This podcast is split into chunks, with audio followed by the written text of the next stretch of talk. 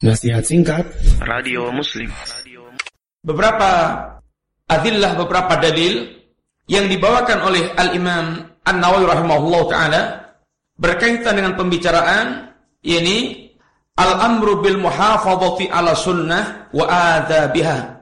Perintah untuk menjaga sunnah dan adab-adab bagaimana kita berinteraksi dan bersikap dengan sunnah Rasulullah sallallahu alaihi wasallam.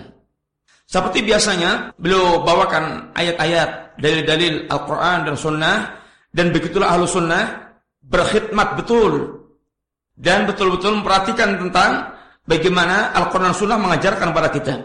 Kemudian baru mengikuti apa yang diajarkan Quran dan Sunnah.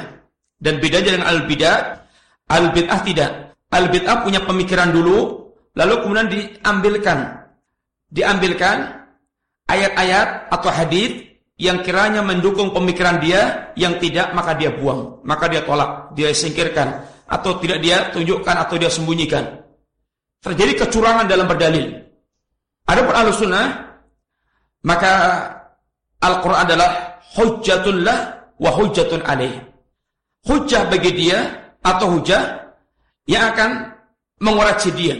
Artinya, seandainya ada pemikiran dia yang salah, maka dia akan kembali kepada sunnah, kembali kepada kitab dan sunnah untuk sebagai bentuk itiba dia kepada Al-Quran dan sunnah.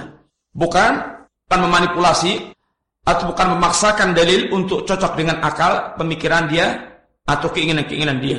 Di antara ayat yang beliau bawakan di antaranya yang pertama dalam surat Al-Hasyr ayat yang ketujuh Allah Subhanahu wa taala menyatakan وما آتاكم الرسول فخذوه وما نهاكم عنه فانتهوا apa saja yang didatangkan Rasul kepada kalian fakhuduhu ambil ambil ambil datangi ambil wa manahakum anhu fantahu dan apa saja yang dilarang Rasulullah SAW hendaklah kalian menahan diri berhenti di situ tidak melakukan, tidak merejang larangan Rasulullah Shallallahu Alaihi Wasallam.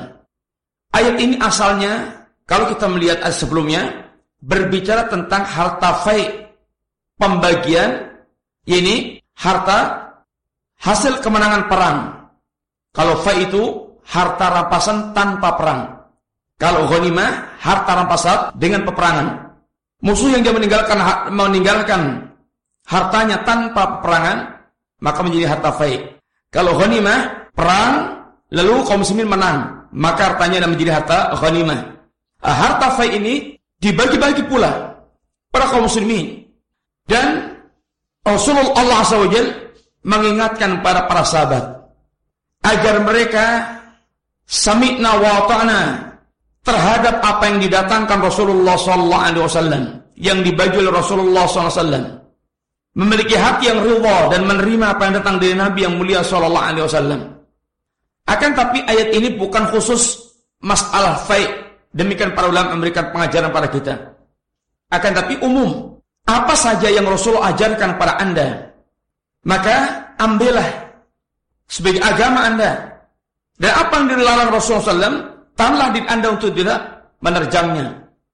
Bagaimana Allah SWT mendidik para sahabat dan kita semuanya kaum muslimin untuk memiliki sikap yaitu mengambil semua mengambil semua yang Rasulullah datangkan tidak boleh pilih-pilih tidak boleh pilih-pilih.